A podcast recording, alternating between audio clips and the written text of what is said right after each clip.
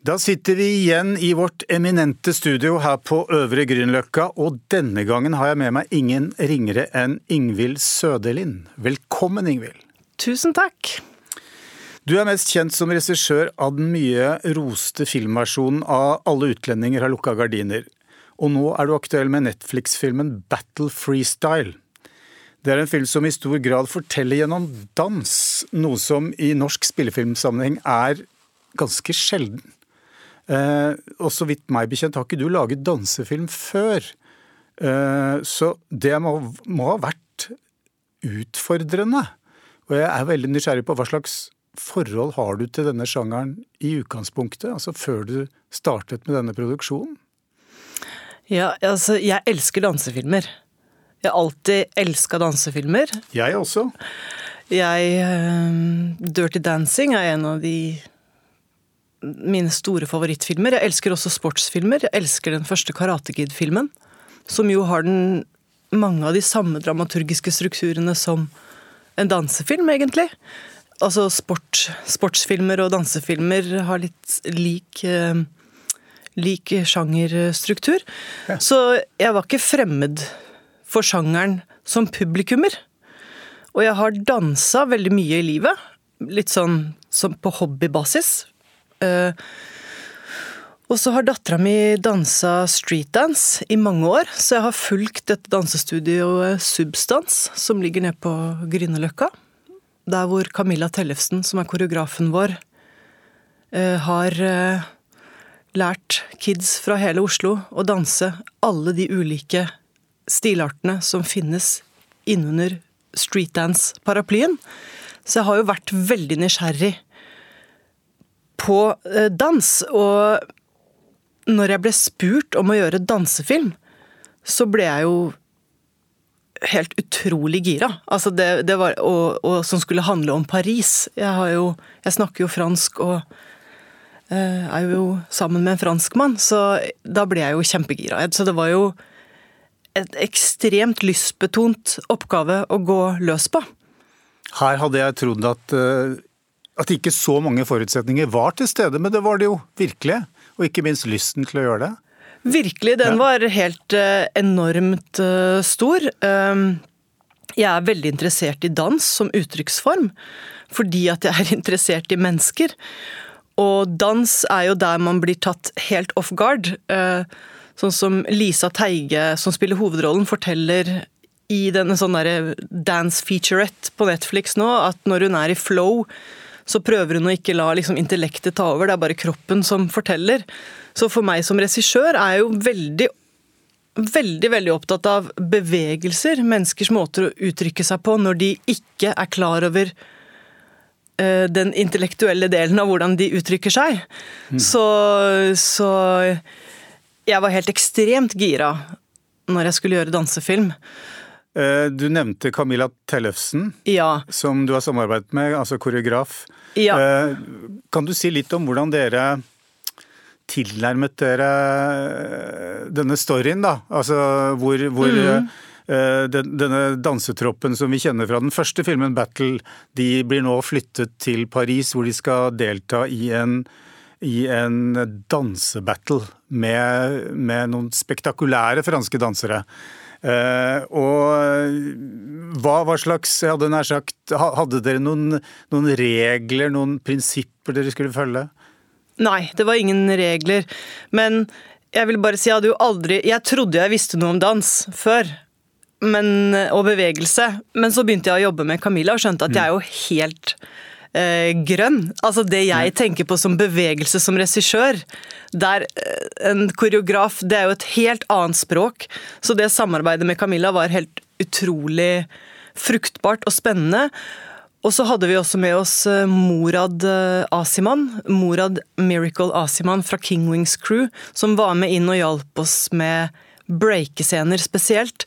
Og det første jeg gjorde når jeg skulle lage den dansefilmen, var å begynne å snakke med danserne og høre på danserne. Så jeg brukte jo egentlig den samme metodikken som jeg alltid gjør når jeg lager en film. At jeg går i dialog med det miljøet jeg skal skildre, og lytter til det.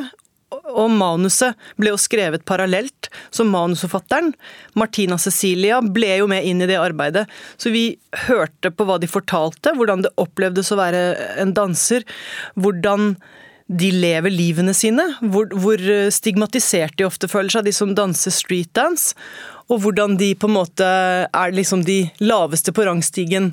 Ved backstage-telt så får de nøtter mens musikerne får mat. Eh, de er liksom de, Sånne historier klart prøvde vi å få inn i filmen. Det, det er jo bakt inn i ja, historien også. Det er bakt inn i historien, mm. og, så, og så var det dette her med hva slags type konkurranse skulle det være, og hva slags type dansestiler skulle det være i filmen. Eh, når jeg fikk manus i henne, så skulle det være en blanding av eh, at eh, hovedrolleinnehaveren skulle gå over til å danse tango. Men så, i dialog med Camilla Tellefsen, så bestemte vi at vi ville jo ha noen dansesjangre som var mer spennende, kanskje, for ungdom å bli litt bedre kjent med. Så vi gikk mer for at den klubben som eh, Amalie skal bli kjent med i, nede i Paris, er en klubb der de danser mer uh, De danser wacking, voging, popping Dansestiler som kanskje, kanskje, de fleste mennesker forbinder streetdance med hiphop og break, men det er mm. mange, mange andre dansetyper innenfor den paraplyen, hvis man kan mm. kalle det det. Så da fikk vi vist de dansestilene også, det var utrolig spennende å gå inn i det. Så det var det første vi gjorde, var jo å få det inn, bakt inn i manuset så godt vi bare kunne. Det var klare forventninger om at det skulle være en sjangerfilm og, som har visse strukturer. Det var liksom visse kriterier vi måtte møte. Og så prøvde vi å gjøre selve dansingen så spennende vi kunne innenfor det. Og så handler det om det dansecrewet eh, Illicit, som er de samme fra eneren. Som eh, jo blir underdogsene i vår historie, da, på en måte. Ja. Det som jeg syns er spennende med filmen, er jo at man får frem ofte altså komplekse følelser gjennom dansing. Og, og det er da jeg elsker dansefilm, når, når man får til det. Eh, og, og, kan du si litt om akkurat det?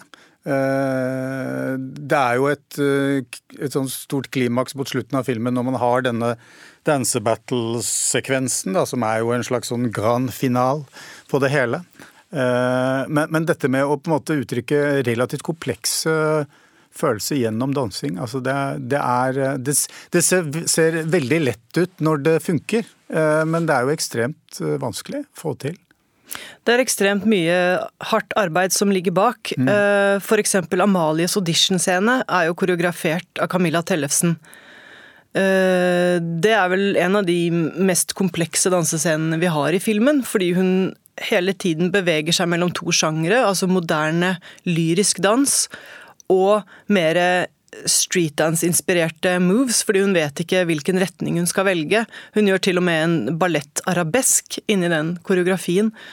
Og der handlet det om at vi snakket veldig mye om hva scenen skulle handle om emosjonelt, og så utarbeidet Camilla koreografien ut ifra den Sånn at dansene er jo en historie inni historien. Og jeg måtte jo veldig raskt jeg var veldig grønn på dette. her. Jeg måtte veldig raskt lære meg å tolke hva bevegelser betyr. Og det har jeg jo blitt mye mer bevisst på etter å ha gjort dette her. Mm. Bare det at musikken må komme først, det var ikke jeg så klar over at det var så utrolig viktig. At de danser til musikken, det er jo det aller viktigste. Så all musikk måtte være på plass. Så lager de dansebevegelsene ut ifra det, og så må jo danseren forberede seg på denne dansen og få denne dansen inn i kroppen. Og det er ikke det samme som når man instruerer noen skuespillere. Det er mye mer teknisk. Fordi at vi Med skuespillerne så kan man på en måte ha en leseprøve, og så kan de gå rett på gulvet og så improviserer de litt og sånn. Men mm. når det er koreograferte dansenummer, så må de øves inn, og det tar lang tid. Og det er et veldig møysommelig arbeid for danseren. Det er noen øh, i dansekretser, øh, i hvert fall franske dansekretser, veldig kjente dansere med her. Eh, som jo er helt briljante. Eh, jeg sier jo ikke det til forkleinelse for de norske, men, men eh, var det en utfordring at det var et dansere her med en viss stjernestatus som da du skulle eh, liksom matche med, med, de norske, som, som for så vidt eh, er stjerner på sitt nivå, men, men kanskje ikke i det samme omfanget, da? Nei, Det var veldig utfordrende, men vi visste at vi ville ha med oss Vi måtte ha en konkurrent som var en stor konkurrent, og så satte vi sammen et et dansecrew bestående av noen av de største streetdanserne i verden. Altså mm. de de har Ja, de er helt eh, vanvittige. De er legender, de, vi, de som de møter nede i Frankrike. Altså, nå snakker jeg om de mm, breakerne og streetdanserne mm. som de battler med til slutt. Og det det innebar, var jo at jeg hele tiden hadde det presset sånn Ja, men er det troverdig at Illicit kan vinne konkurransen? Det hadde jeg som et press liggende over meg hele tiden, men jeg tenkte hele tiden at de må vinne det på sjarmen og det samarbeidet.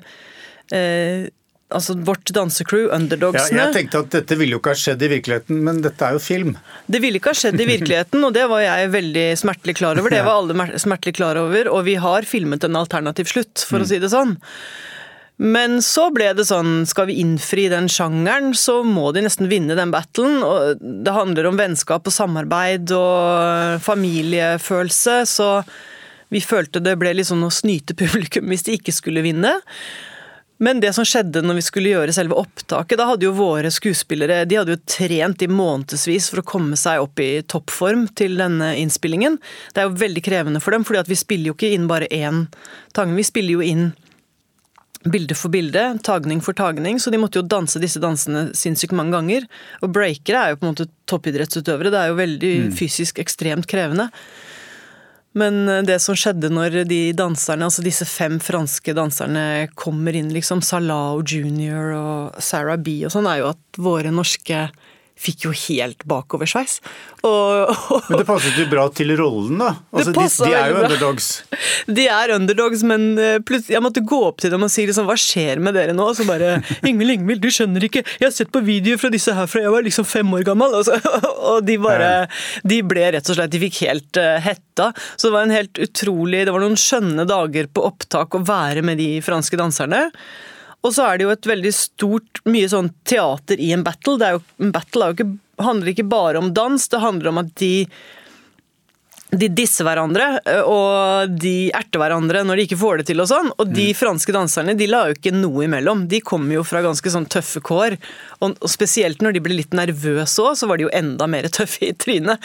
Så de dissa jo danserne våre, så det, ja, de, det var veldig morsomt.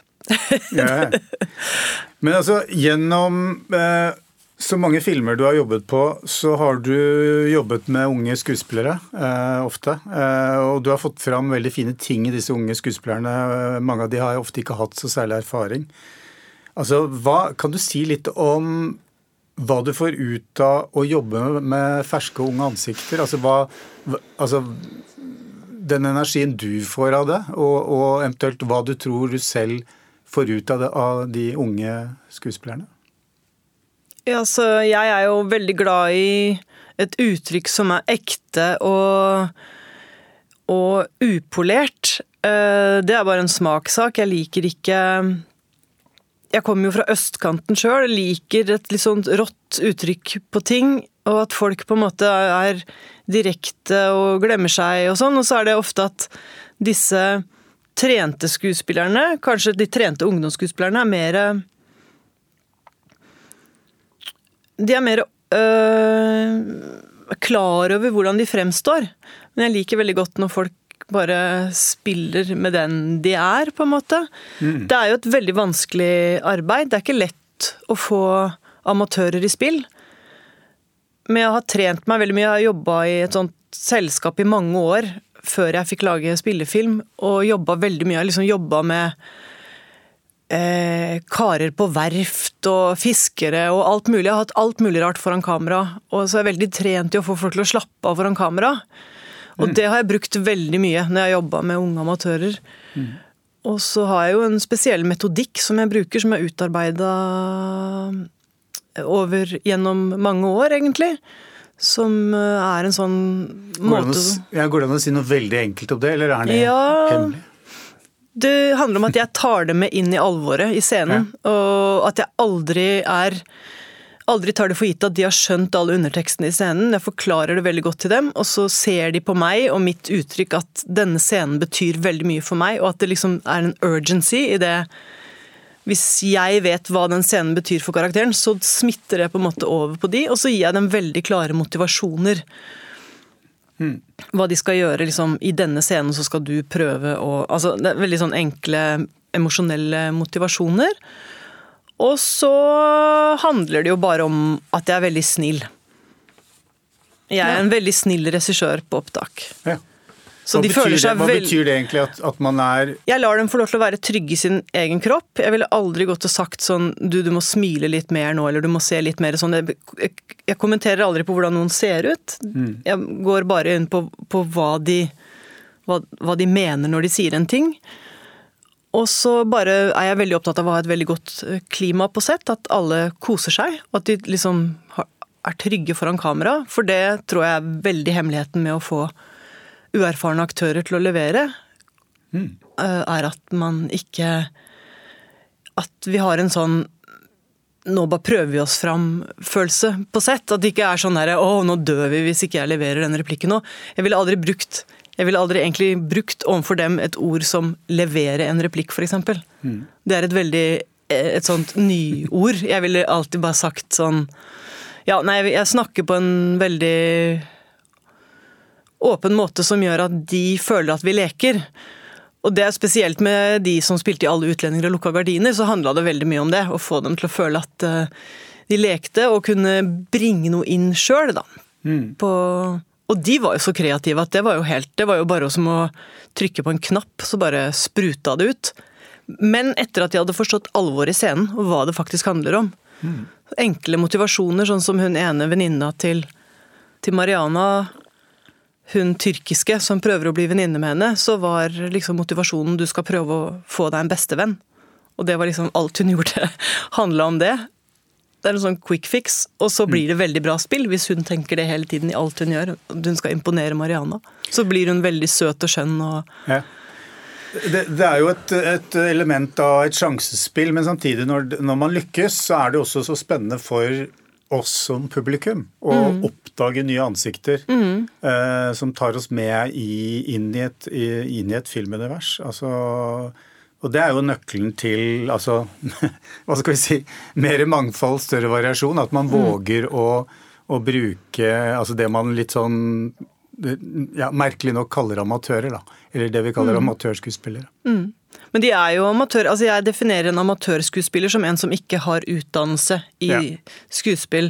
Mens med en gang Nå skal jeg jobbe med en, en som har spilt mange hovedroller før hun regner jeg ikke som en amatør lenger. Så det er jo liksom Det handler jo om erfaring, men absolutt, det bringer jo så mye energi inn. Og, og jeg elsker å se nye ansikter på skjermen, og skjønner ikke egentlig at ikke flere gjør det. Jeg forstår at mange tenker på det at skuespillere har en viss markedsverdi, men jeg tenker at det har en ganske stor verdi hvis man klarer å få det rå, upolerte mm. inn. Men det er klart at man har aldri en garanti for at det ikke blir helt stivt, men jeg ville aldri sluppet en foran kamera hvis jeg ikke Jeg caster dem alltid veldig nøye og prøvespiller masse, sånn at jeg vet at de har en naturlig inngang til dialog. Mm. At de, det er jo noen som kan spille stivt, f.eks., eller overspille, og det, kom, det er ofte folk som har litt dramaerfaring fra før, som Inngangen min er sånn at det, de skjønner at det handler om å være helt ekte. Men på, til slutt så sier jeg jo sånn, noen ganger så må jeg si til folk sånn Fordi de kan bli litt stive og tro at de må levere noe litt tilgjort. Og da må jeg si øh, Husk å gjøre det på ekte. Det er en replikk Det er et stikkord som fungerer veldig, veldig bra. Husk at dette er på ekte. Mm. Men det er jo ikke på ekte. Nei. Men da skjønner de at det er på ekte Eller da, da, bringer jeg dem ned igjen i det som oppleves ekte når du ser på kamera. Mm. Du må Nei, men det på ekte er liksom Men det på ekte. Selv om det er jo ikke ekte, vi er jo inne i et fiksjonsunivers. Ja, ja. Altså, da du lagde Alle utlendinger så snakket du, når vi intervjuet deg i Rushprint, om å pushe enkelte sjangerkonvensjoner. Altså utfordre publikum litt. Og har, altså nå har du jo på en måte vært innenfor et en, kanskje enda mer rigid sjangerunivers. Eh, men dere tar jo noen sjanser, og det er jo på en måte en slags Jeg vet ikke hva jeg skal kalle det, en slags på grensen til alternativ virkelighet i filmen. Uh, hvor vi møter på et, et annet uh, dansemiljø som er veldig hva skal vi si, uortodoks, eller, eller, på en måte ja, i hvert fall annerledes. Og de hjelper da hovedpersonen med å på sett og vis finne seg selv, eller bli fortrolig med tingenes tilstand. Og de introduseres ikke på en forventet realistisk måte. Kan du si litt om det? Ja, det var jo helt uh, crazy å gjøre det på den måten. Men det var liksom ingen som stoppa meg heller. Uh, nei? Nei, fordi jeg tenkte hele tiden at de er som sånn tre feer, på en måte. Mm. Så vi dro det jo nesten over i sånn Disney-sjanger. At uh, de som er på den baren, er liksom hjelperne til Amalie, da. Og det er jo referanser til Karate Kid der òg. Han driver og vanner noen sånne bonsai-trær og sånn. Han Paul bak baren. Så det er jo bare boltra oss i klisjeer, da. Ja. Egentlig. Ja, det, det var ikke noe, jeg følte ikke at det var noe hinder for, for at jeg kunne leve meg inn i, filmen. Det, det, var bare at det, det slo meg at uh, det her var, det var annerledes. Ja, det var vi bare gikk for det. Mm. At den klubben skulle være et sånt sted hvor hun fant tilbake til gleden ved å danse og forståelse av det å uttrykke seg eh, på en friere måte. Mm. Mer sensuell. Eh, den bringer ut noe mye mer sensuelt i henne enn det den vanlige streetdansen gjør. Og det Amalie danser i battlen til slutt. Det er en dansestil som er mye mer inspirert av det som har skjedd på klubben. Så hun har utvikla seg som danser, men det er jo veldig få som kanskje leser det. Men de som har danseerfaring, mm. vil lese det. Men så klubben er rett og slett eh, Den ligger jo hele tiden og vaker på grensen mellom noe som er realistisk og noe som er litt sånn eh, eventyraktig. Og det var hele tiden stikkordet vårt, at det skulle være veldig eventyraktig. Og scenografien til Ragnhild Juliane Sletta er jo helt utrolig der. Vi filma det jo i en av de der underground-barene i Budapest. Og så la hun til elementer i neon og en måne som skulle symbolisere ja, det en måne symboliserer. Ja. Og, det, og så når hun blir dratt ned i den der klubben, så kalte vi det på settet så kalte vi bare det en scene for Down in the Rabbit Hole. Så det er jo Ja, det var elementer av å trekke det Vi ville trekke det litt larger than life. Mm. Ja. Og det var veldig gøy. Ja, ikke sant. Eh, altså, du debuterte til Kritikerros i 2010 med novellefilmen 'Jenny'. Og Det var en film som mange snakket om den gangen, husker jeg. Og så gikk det da ti år før du spillefilmdebuterte med alle utlendinger. Og ti år er ganske lenge. Og det var mange av oss som ventet på eh, at det skulle komme kanskje en langfilm, eh, og det ventet sikkert du på selv også. Eh, hva, ja. hva, hva skjedde i de årene? Nei, jeg ventet og arbeidet veldig veldig hardt med ja. å debutere som langfilmregissør. Jeg trodde at jeg skulle ha en sjanse til å kunne gjøre en form for autørfilm etter Jenny og etter at jeg hadde veldig mye regierfaring. Men eh, det var veldig vanskelig å komme gjennom i Norsk Filminstitutt. Mm. Jeg øh, jobbet med et prosjekt i fem år som ble blankt avslått når det kom inn en ny eh, konsulent. Og så ble jeg fanget i en sånn konsulentknipe, hvor den nye konsulenten som kom til, hadde jobbet på prosjektet mitt, sånn at jeg kunne ikke søke noen second opinion. og da skjer det noe med selvtilliten. at man ikke bare, Da er det ikke så lett å bare gå og kontakte produksjonsselskaper og spørre om å få gjøre TV-dramaregi. Ting som kanskje ville gjort meg i større stand til da, å debutere i langfilmformat. Eller, mm. øh, men Nei, så det var helt ufrivillig fra min side. Og jeg jobbet beinhardt i alle de årene. Jeg skrev mange prosjekter som ble avslått av Norsk Filminstitutt. Og da klarte jeg ikke helt å få hodet rundt det å søke alternative måter å få mer dramaerfaring, annet enn at jeg gikk på veldig mange kurs i skuespillteknikk. Jeg gjorde alt jeg kunne for å kompetanseheve meg. Men så klarte jeg å snu det. Så fikk jeg en sånn derre fuck it-opplevelse. Sånn mm. Jeg kan faktisk lage film, jeg, jeg, må ikke vente på de. Så jeg lagde Jeg søkte Viken og fikk penger til å lage kortfilmen Sportegn. Mm. Og så klarte jeg med den å bare snu eh, min egen snu det til at jeg kan faktisk lage film, og det får jeg til. Og da eh, fikk jeg også til slutt støtte fra en annen konsulent da, til alle utlendinger og lukka gardiner. Mm. Men der fikk jeg også mange avslag. Det er en veldig hard virkelighet nå i norsk filmbransje. Det er veldig, veldig få som uh, slipper til. Mm. Det har vært eh, liksom Det er jo en helt ekstrem liten prosent Eh, av de som prøver å bli regissører, som blir det. Mm. Men jeg følte etter metoo at det ble et stort skifte for meg, i hvert fall. I forhold til at eh, nå, etter at det ble mer bevissthet rundt kjønnsbalansen i norsk film, så fikk jeg mye mer tilbud fra produsenter. Ja. Og opplevde at jeg fikk mer tillit som kvinne også. Jeg opplevde til en viss grad at jeg fikk liten tillit som kvinne, kvinnelig regissør. Mm. Jeg ble fortalt at prosjektene var for vanskelig for meg å gjennomføre og sånn, og det er jo sånn Det var det ikke. Nei, ikke sant. Nei, for jeg tenkte jeg skulle spørre om det, altså, fordi altså, alle hovedrollene i filmene dine er kvinner, og settingen er ofte flerkulturell. Mm. Eh, Jenny var jo også det. Mm. Eh, og nå har du på en måte beskrevet en tilstand hvor ting er blitt litt bedre, men samtidig hardere på andre måter. Eh, men hvordan vil du på en måte hvor, hvor, er vi nå i forhold til kjønnsbalanse og mangfold? Vi har eh, kommet veldig kort. I hvert fall ja. mangfold, syns jeg. Ja.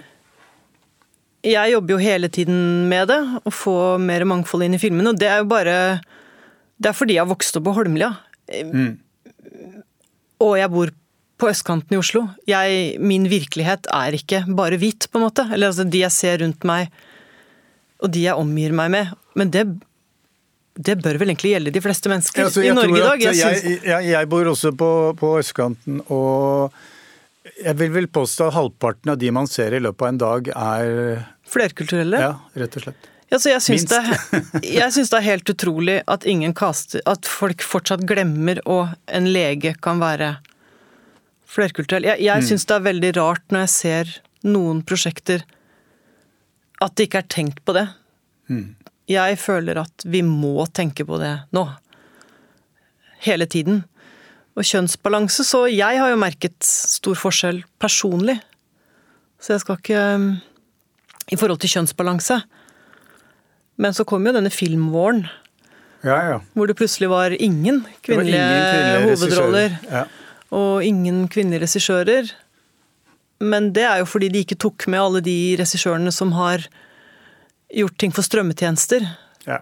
For jeg hadde jo jobbet veldig hardt det året, og vært ute på opptak gjennom hele koronaen og så fordi det er jo eh, en viss etterspørsel etter dyktige regissører, eh, ikke minst gjennom strømmetjenestenes eh, behov, ja. som bare vokser og vokser. Sånn at, ja. Eh, sånn at, det har jo på en måte også spilt inn Eh, og, og, da, og, da, når man er på desperat jakt etter en ny regissør, så kan det hende at man er nødt til å bare ta inn en kvinne også. ja, men det For å si det flåsete. Altså at, at, det også har på en måte bidratt til mm. at flere er i arbeid, da. Ja, og så er det jo også mange produsenter som er interessert i meg fordi jeg er kvinne, ja. og som er veldig engasjerte mm. og vil jobbe med kvinner. Det er jo den erfaringen jeg har mest av. At de har vært veldig positive til at jeg er kvinne, etter at, selvfølgelig etter at alle disse Etter at bevisstheten har blitt vekket. De merker det jo på, på, på, lommeboka, sånn at de, må jo, de er jo nødt til å, å, å, endre strategi. Ja, og det har de gjort. Mange mm. har gjort det. Og det har vært utelukkende positive erfaringer. For meg i hvert fall, så håper jeg bare at de som jeg har jobbet med, syns at det har vært en positiv erfaring å jobbe med meg.